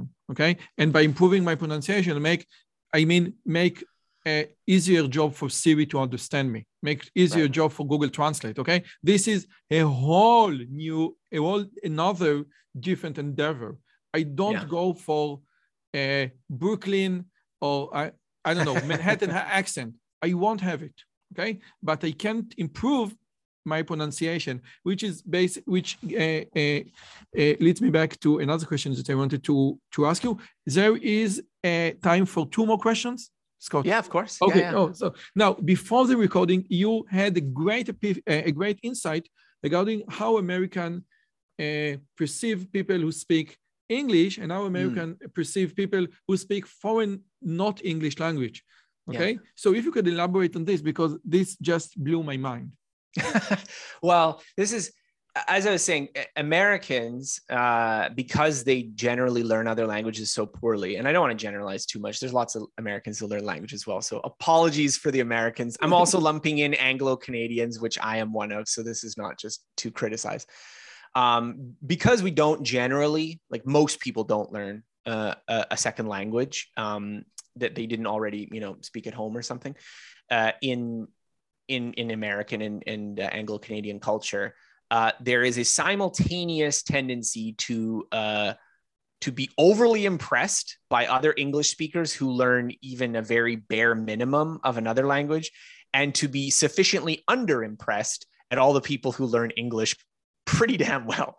And so this is my good example of this. I didn't use this here, but but my example, and I was I was talking about this example when I was in China to Chinese people, but I was using the example of Jackie Chan. of Jackie Chan. And Jackie Chan is someone that, you know, people are a little bit PC now. So no one, I think, is really like trying to make fun of Jackie Chan these days. But I definitely remember in the 90s growing up that like Jackie Chan and how he spoke English, people would be kind of making fun of him because his English was not perfectly fluent. However, you watch an interview with Jackie Chan, he can handle an interview. He can go on a talk show and handle a talk show interview. You go to China and handle a talk show interview and you tell me how easy that task is and so i, I kind of feel like um, that we have this really weird sense that when we see jackie chan we're like oh yeah his english is so bad but if someone were at a much lower level of uh, mandarin we would be duly impressed. And so I think that um, this is a tendency uh, that people have. And so what learning languages has really taught me is to have um, have this profound sympathy i think for people who have to express themselves in a non-native language especially if you know like you said they they haven't had a lot of opportunity to speak it. And so they you know they don't live uh, in the country or, or this kind of thing. And so you know it's doubly hard for them.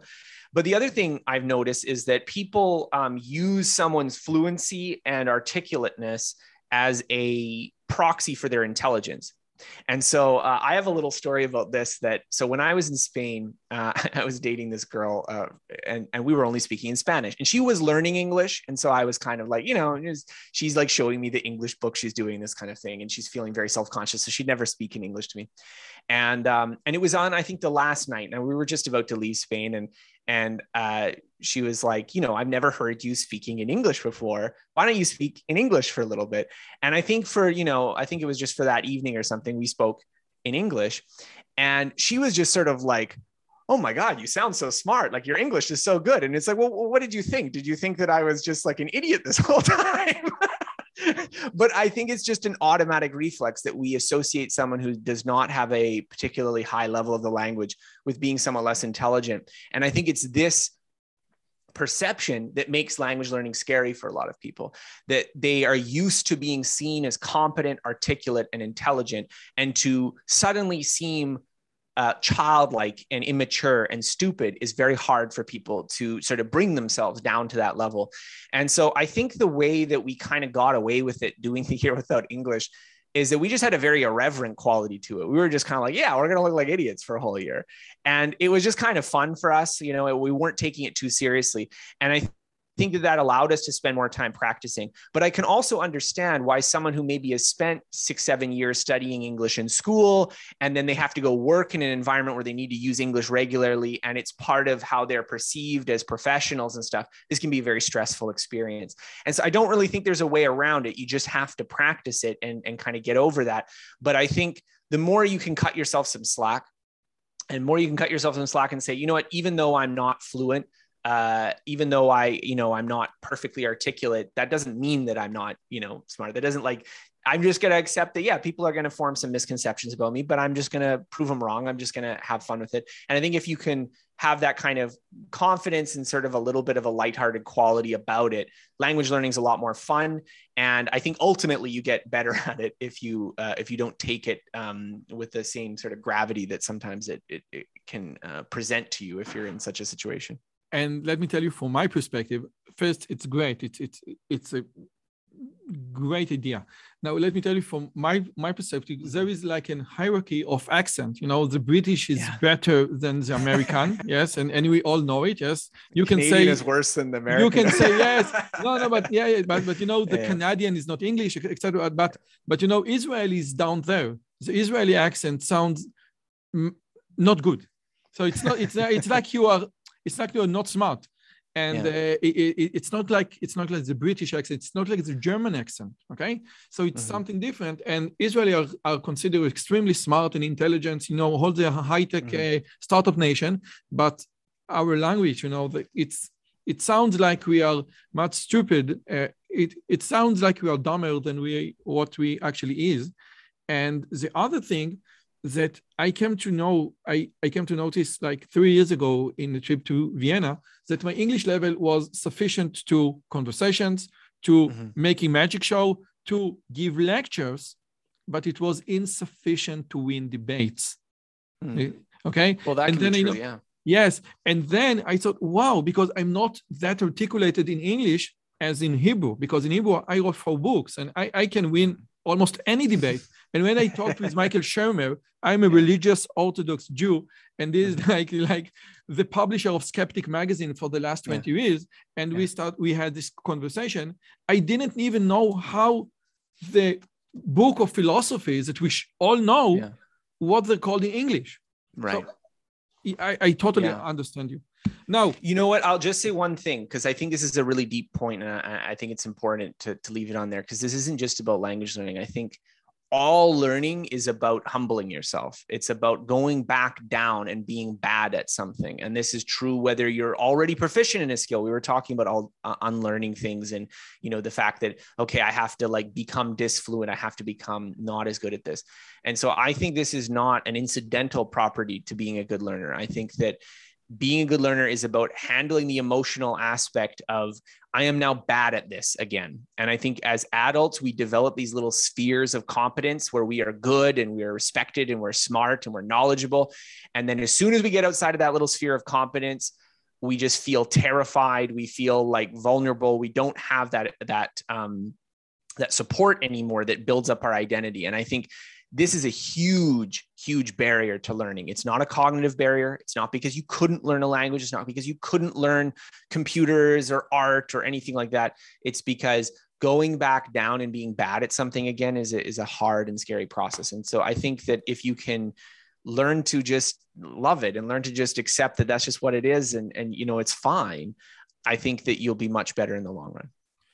Okay, and I hope that in the next con- our next con- conversation, my English will be even better. now, uh, another yeah. uh, another again great endeavor that you had was to learn how to draw faces.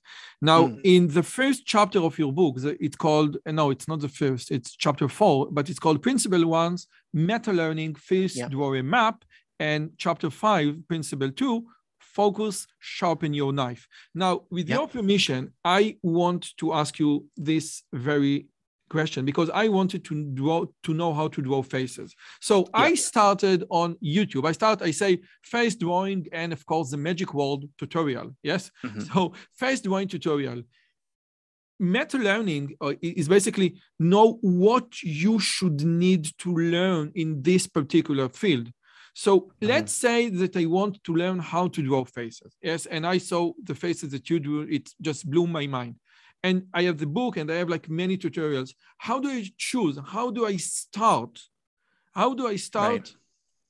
And what is the best way to start? Is there just a single way, single best way, or, or, or just yeah. I need to find my own path, or it doesn't matter because I don't know how to draw anything? Right. Okay. So this is a good question, um, and it's interesting for me because I I did it wrong in the in, the, in the portrait drawing challenge. So um, this is something I've changed my mind on. My original idea was that the important thing is getting lots of feedback, and that is important, but it is secondary to having a good method, and that the it's kind of related to this that if you have a different method, lots of practice uh, with feedback uh, it, first of all, lots of practice with feedback will not gen- not really reliably lead to a good method. And second, uh, the method really needs to come first because all the practice can be wasted if you end up needing to use a different method to apply it. And so for me, I made most of the improvements after taking the Vitruvian Studios uh, course. So I, I, recommend checking out the Vitruvian Studio portrait course. Um, Again, uh, what, Jamie. What, what? Vitruvian Studio. I mentioned it in the book, so uh, we could probably put a link up okay, uh, after. But uh, he is, without a doubt, one of the best portrait artists um, I know of. Like, if you look at his drawings, they're better than photographs. So, I mean, I'm, I'm like, you know, you think mine is okay. Like this, this guy's stuff is like the actual photograph he's drawing from is worse than his drawing, which is, which is scary. Um, and and I think uh, what I learned from him is a, a, particular method that allows him to achieve phenomenal accuracy. Now, it's a painstaking method. It's not for quick sketches. So, if you wanted to be a caricaturist, you, would need a different method. But uh, I think it is a really good uh, tool for drawing generally, and in particularly, it's useful for getting that high accuracy in faces. So, this is the challenge. There's lots of different methods. You don't know which one works. You don't know what's going to be good or not. And so, I think there is a little element of trial and error here but I think if I were to redo the portrait drawing challenge, where I would start is what are the dominant methods that people use for face drawing? And there's several uh, different methods and some of them are kind of synthesis methods. So one of them is the grid method. The grid method also works for drawing other things but it says you overlay a grid and then you match line segments within a grid. Um, that works I don't like it for drawing. I don't think it's uh, it's not really how real artists draw. It's a little bit of a hack. There's tracing. A lot of people think that tracing is how good artists draw really well, which is not true, but it is a kind of like you know flattering assumption like i remember talking to someone who was saying oh yeah all those renaissance masters they just used a complicated uh, lens system to trace and they just don't actually believe that you could draw that accurately just by looking at something vermeer um, vermeer yeah I mean, there are some people who did it that way, and you can trace things. But I would say as well, uh, like this method that I learned uh, through Vitruvian Studios is better than tracing. Like I, I would be able to draw it better. But how did you get now? Uh, just a second. Now we have Scott Young tell me, listen, I went through yeah. this road, and this yeah. is better than this is better. But let's say that I don't have Scott Young. Right yeah. just beside me and i yeah. and, and i okay I, I i'm I'm willing to pay the money and we have like this udemy courses okay yeah. and I, I i'm not familiar with the Vitruvian course and i don't know yeah. how much does it cost and i know and i don't know whether should i spend like i don't know 300 dollars for for mm. a course and i want listen can i just you know start with a youtube face drawing tutorial for beginners is this a good policy or we should start with the best I or again the best yeah. method is delivered by the best teacher by the I don't teacher. Yeah i don't think that there's a real way around it. I do think um i do think that what you're doing is you want to do a search to see what's out there but you can't do a complete search right? And and the problem too is that the method is often locked behind a course or maybe it's not even online. It's like you know just some guy teaches it to his student through the art of you know and it's in venice and whatever and you have to go there. So i mean we're satisficing here. We're not always going to be able to pick the absolute optimal method. But i think this is the meta learning idea is that you want to kind of cover the domain and figure out well well how do people do this? What are the different ways people use to do it? And so i was just saying there's grids there's tracing. The method that the vitruvian studios is uh, works on triangulation is as a kind of a, a basis point. But there's also a lot of people who um, uh, there's sort of bottom up methods where it's very much about um, accessing sort of the perceptual details. So, sort of this line is roughly this angle. And so it's very much a feedback between seeing and action. And then there's what I'll call top down methods, which are sort of like, well, I know the bone structure of a face, I know the approximate proportions of a face. So I'm going to draw approximately the right face. And then I'm just going to adjust based on what I think is distinctive about this person's face. That's actually how a lot of caricaturists and uh, portrait drawers do it. So my point here is the that guy like, who draw people on the subway. So they, yeah, well, yeah. So that's a re- you have to do it really fast. So how do you do it? You you have a good mental representation of approximately how people's faces are. So you can draw a kind of generic face and then you adjust it to what the person's face looks like. It's not as accurate, but you can do it quickly. But and so, again, yeah. But you you didn't give me you you didn't give me the answer. Could yeah. you please elaborate on the searching process? What do I need to go? Do you do you go to check it up online or you just, listen? I need to speak with a face drawing artist? Well, again, how this is what start? I think you do. You you you you Google how to how to draw faces, and then you you click on different people who teach how to draw faces, and then you just sort of you can skim over and be like, well, how are they doing it? You know you don't need to know the details of all the method but just generally what are the different kinds of methods? What are the different ways people approach this problem? How do people generally do it? Now there is some difficulty here because part of the difficulty of teaching is that as you develop a skill more and more aspects of the skill become unconscious and it's very difficult to display them. So you know you might know from having spent 20 years drawing that the uh, the lighting of a surface is related to the sort of angle that the normal vector makes with the surface and the the light source. And this is just intuitive to you that well obviously the shading has to look like this for this curve to be represented but you may not be presenting that information to students. So this is this is a difficult process but i think the idea here is that you want to do some kind of search how long you want to search for depends on how long you intend to practice a skill. So this was this 10% rule that you know, if you want to just spend an hour doing it, then yeah, just go with the first one you find and you'll probably do better than than not. But if you wanted to spend 4 years, practicing this craft, then yeah, maybe you might spend a month looking at all the different ways that people tackle this problem and, and how they think about it. And so that's a bit of a trade off point. I, I tend to focus on kind of getting into doing things a little bit earlier.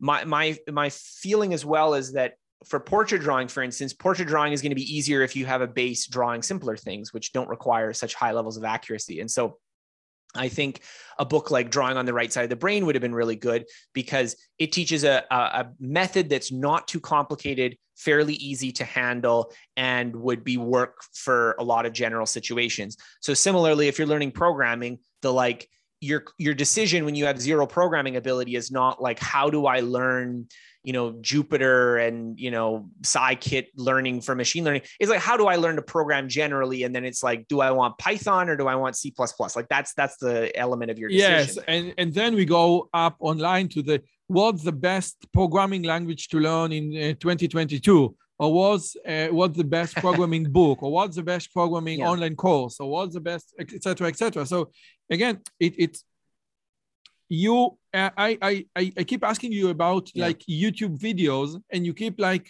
diverting away so well, youtube there, videos are great yeah no but but you said listen yeah it seems that on the drawing yeah. you don't start okay just watch the first 10 drawing videos if you know nothing about it and then go you know check some online course or mm-hmm. because mm-hmm. the you told me before there is a, a, huge difference if you're just going to to take it as a hobby and if you're going to like invest four years in doing this. So, yeah.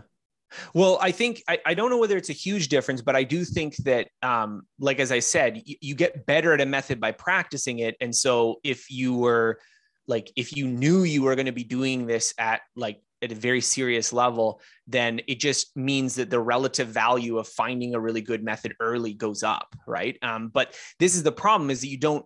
It's a it's a search process. You don't know whether you're going to find a better method, right? It may just be that there's a simple method that people just have enormous quantities of practice, and that's how they get good at it. Or it could be like a really complicated method where it's um, well, yeah, but you're just integrating huge amounts of knowledge about how faces are structured, and so it's you know there's no like there's no trick to it. It's just it's just like that. And so here's the thing: I think the idea is that the meta learning idea is that there is a a map to a skill that you're learning. It's a map that involves procedures, things that you actually have to perform, ideas you have to understand, um, and then like little factual tidbits of knowledge that you need to know every skill is a little bit different. Um, and there's a sort of uh, a, a, method there in the sense of like what what it is that you need to do what it is that you're doing to be good at this skill. And again you need to do kind of a little bit of research. So you know the portrait drawing example again there's no like library of different portrait drawing methods. You you watch some videos you look at some different people kind of uh, how are they doing this? What do they think is important? If you if you really want to get serious, you know, write to one of these people. Just tell them, like, what do you think is important to learn to get good at portrait drawing? And I mean, sometimes they can't tell you. Sometimes it's all tacit knowledge. They they've forgotten exactly what they did to learn it. Um, but you you can do this to sort of build your map. And I think with with language learning, the same thing. Uh, what's a good resource for language learning? You you type in what's a good resource for language learning. You'll have tons of people comparing Pimsleur to Duolingo to Michel Thomas to this to this to this you can go too far in this direction. Well, the best Anki still, deck. Yeah, but I think it's again, it's a trade-off process. I think you want to know roughly, okay, these are roughly the methods people use. This is roughly the things that you actually have to do to be good at this skill. This is, you know, you, you kind of have to break it down that way. That's the only way you can go forward. Now, I think um, there there is this sort of uh, problem, and as I said with the portrait drawing thing, is that I thought that the process of drawing faces was mostly just a kind of you just get more accurate, sort of perceptually over time. Um, and I no longer think that that's the method that people are using to do it. I think it's a combination of uh, really good, let's say, bottom up processing. So you're you're being very very accurate in this angle is not this angle, it's this angle, right? And you're you're making those uh, very fine distinctions. and then it's also top down so you have a very good knowledge of what are typical ratios of faces what is the typical way this works so people study anatomy people study this they, they have all this knowledge so that when they are drawing a face you know for instance most people think the eyes are in the top two thirds of the face they're halfway that's just like a very basic thing but there's millions of these little like perceptual facts that you can um, use in in drawing and and realistically people use both but the idea here is that um, you know, just doing a lot of practice is not going to be ideal uh, for most skills. But if you can, uh, yeah, this is can... uh, the picture on the left is day one. The picture on the right is day thirty. Now, day day yeah. thirty is mesmeri- mesmerizing, but day one is not so bad at all. Is not well, you so know bad what? at all. I didn't. In, I didn't include it I didn't include it because it wasn't fair because it was a 30 day challenge. But the, the reason is that I'd first done this uh, drawing on the right side of the brain. And I can show you the, the before picture from that. So this is like I did the drawing on the right side of the brain, and I still felt like I wasn't that good at drawing faces, and that's why I did this challenge. But the the previous picture, I don't know, maybe I can email it to you, and you can include it somehow in the in yes. the, the link. No, there. because but this is great. And actually, maybe if you scroll down, maybe you can see it. I don't think I posted it there, but no, uh, the PDF. Uh, no, if you go up, I think it's on the PDF there. Um, Where's the PDF? Because I must. Uh, it's you- this. It's this uh, thing. Uh, you scroll down a little bit. There's this thing here. Yeah, I think uh, we did it because it was just such a large file. Um, okay, that first one. Okay, you zoom in there. Oh, okay. okay. So that right there is my actual like, but it wasn't part of the month, so I didn't feel it was fair to include it. But I'm just making the claim that it wasn't natural talent. That was my first picture. This was before this. This was before drawing on so, the right side of the brain. Um, uh, I don't know whether this is before. Maybe it was after. No, I think maybe it was before drawing on the right side of the brain. Yeah. So this was like my first attempt at drawing my face, and I've also spent a lot of time drawing too. So I, it's not that I have zero artistic aptitude or a background experience either. You know, I'm not. This was, but that was where I started, and this is this is all the little yes. sketches and stuff that I did. But my point is just that um, I did the drawing on the right side of the brain course, and that got me to the the first picture you see on that 30 but, day challenge. But drawing on the right side of the brain, it, of the right side of the of your brain, it's it's a book. It's it's also a course. Uh, I don't know whether it's a course. It's definitely a book. yeah, it's, I'll, it's I'll, I'll, I'll, I'll, give away the secret. Drawing on the right side of the brain is a, a bottom up drawing process. The idea is that the reason we have difficulty drawing is that we mm-hmm. um, we typically perceive objects as three dimensional entities. So when you see a like this phone, you think rectangle, right? But if you if it's here it's actually like a weird quadrilateral like in a 2d projection and so the trick is that you have to train yourself to see the angles that are there in the 2D projection that aren't there in real life. And so there's lots of little like kind of ways you can do that. I don't really like the right brain, left brain thing. I think that's BS, yes. but but the book is good. And so uh, if you want to start with that, that would be a good starter resource to get you good at drawing things generally. Um, and and that's what got me to the first picture uh, that you can see in that. And then the 30 day trial, that definitely Vitruvian Studios would be the course I'd recommend for that. But I think, yeah, again, it's it's a challenge because how do you know what method to use? And that was an issue I had in the beginning. That like I would look at how to draw faces and people are suggesting the grid method or they're suggesting like really basic you know put the eyes in the middle and do this which is like yeah it's okay but you're not going to get a likeness. You're just going to get a face that looks human. So i think this can be a challenge and i think there's a dialogue between doing the skill and like finding better methods um, that that takes place in any self-education uh, endeavor. What are you doing these days? Because your youtube channel i think your last upload was 11 months ago so what are you doing these days? Yeah. Yeah, I don't upload much to YouTube, unfortunately. Uh, it was just between writing articles, I just don't have enough time to make YouTube content. So I only usually do YouTube when there's something specific that needs to be video. So I think like my language learning experiment was one of those ones that is like, well, this is on YouTube, obviously. Um, but I uh, these days I've been doing a lot of research on the learning transfer problem, and so this has been kind of occupying my life for the last like year of getting really deep into this, and sort of it, it's one of those issues that it seems like it should just be a kind of esoteric kind of like oh this is something academics worry about, but it actually goes. It's no, one of those questions profound. that goes to the heart of learning. That transfer is essentially an answer to the question of what it is that happens when we learn and uh, so let me just turns elaborate. out to be a much bigger question. Than let me just explain. The idea is, am I possible?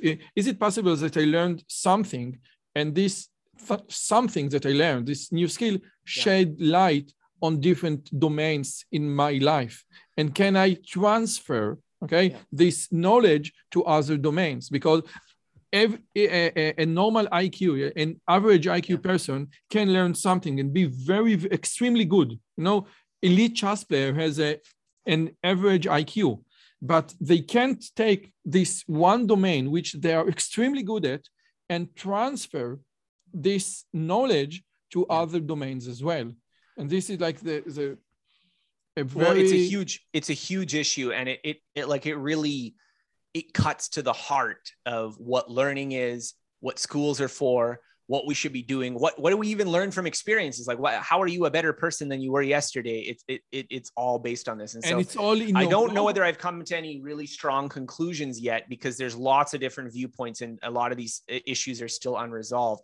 But um, I think the picture that is held by cognitive psychology is not the picture that ordinary people hold about how skills are working required. So this is very Definitely. interesting to me because and we have transfer think, learning uh, in artificial intelligence, which is yeah quite different. And even even people in the industry in the field say, you know, even the transfer learning in artificial intelligence, it's not that transfer. You know, it's from one domain to a similar domain, not to a whole new different domain. Now scott Young, yeah. it's been a pleasure. It's been an honor. It's been like a roller coaster of ideas. Thank you so much. I usually end the conversation with one question about give me one tip to be more productive but i have a theory that all these productive guru guys like ali abdaal and thomas frank and and and all these other guys they don't have kids they don't have kids. And and it's much easier. No i think it's well i didn't have kids and now i do so i, I am yes, laughing. So i'm laughing yes, out of uh, josh out of yes you so so you yeah. know what i mean. Josh kaufman when he had this his girl he said okay now i actually cannot learn anything. So what's your yeah. best productivity tip for guys who have kids yeah. Well, I do think that the challenges that I did when I was uh, single and childless would not, I would not be able to do them the same way now. But I think at the same time, I feel like this is not going to be a productivity tip. So I, unfortunately, I don't have the solution for anyone. But I think the right way to view it is that each phase of your life has uh, opportunities and constraints. And the key to living well, in my belief, is to is to make the most of the opportunities and constraints. And so it is undoubtedly true that I cannot I cannot do the marathon projects that I used to do. I can't I can't go and move to a different country and immerse myself in a language and you know that makes things um, more difficult in some ways but there's also these just amazing opportunities i get to watch my son grow up and learn and and you know i get to try to in some ways help him become a better person and so i think the key to life is not to just is not it's not just an optimization problem of like there's one good thing that you're trying to maximize uh, across all places in space. It's very much a local you know you're in this particular situation what should you do to make the best of it? And so i think i think that there is a room for more humble projects and for more specific and more concrete projects. And i think there's a room for you know doing things that allow you to participate in your work and family. So i feel like one of the things that I've shifted more towards is learning projects that integrate with my work more that they're not just totally isolated. I'm going to learn this thing that has no connection to my work. Um, i know i was talking with cal newport and he has three kids and he's super busy. And he was talking about oh yeah i was doing this sort of like a little electrical engineering i think it was an electrical engineering project but it was like with his kids like he was doing it with them. And so i think there's a lot of opportunities in parented too. And, and you know i love being a father and i think i wouldn't trade it for the world. And so i think there is sometimes this idea that all advice is universal and everyone can do that thing at the same time. But there's also the opposite problem where people are like, well, that's not my situation. So I like, I hate this person who's saying this advice. You know, when I was uh, single, I didn't have kids. The productivity advice of you know that I was following was different, and that's just okay. It's okay for it to be like that. And so I think that uh, when you're approaching problems in your life, you have to think about what are my constraints, but also what are my opportunities. What are the what are the things that are not just about getting more done in a day, but about having richer, more meaningful experiences. And I think if you have kids, there's plenty of those. You know, even if even if you don't have 40 hours a week to throw on a new project so much wisdom in just one hour and 45 minutes. Scott Young, thank you so much. Guys, get his book. It's a, oh, an incredible you. book. It's really an incredible book. It, it's been a pleasure. Thank you so much. Thank you so much for having me. Okay, bye bye. אם הגעתם עד לכאן, מגיע לכם כל הכבוד. אז תנו לי להגיד לכם שלושה דברים קצרים. הדבר הראשון, אם שמעתם משהו בשיחה שמעניין אתכם, שאתם רוצים לקחת הלאה, פשוט ספרו אותו לאנשים אחרים. משהו מעניין שאני אמרתי, משהו מעניין שהאורח שלי אמר, איזשהו רעיון שאתם רוצים לקחת איתכם לחיים, פשוט ספרו אותו לחבר או לחברה. זאת הדרך הטובה ביותר לזכור את הרעיונות מתוך השיחות האלה. הדבר השני, אם אתם רוצים לקחת חלק בקהילה שלנו ולפגוש ולדבר עם אנשים כמוכם, אתם מוזמנים לערוץ הטלגרם שלנו, שווה לכם מאוד. פשוט תראו עוד אנשים שמתעניינים מדברים מגניבים בדיוק כמוכם. והדבר האחרון, אם אתם יכולים, דרגו את הערוץ שלנו באפליקציית הפודקאסטים שלכם, זה יכול להיות בספוטיפיי, באפל פודקאסט או בגוגל פודקאסט, זה תהליך קצר של שתי שניות, הוא מאוד מאוד יעזור לנו להפיץ את הבשורה הלאה. שיהיה לכם כיף גדול וכיף בשיחה הבאה.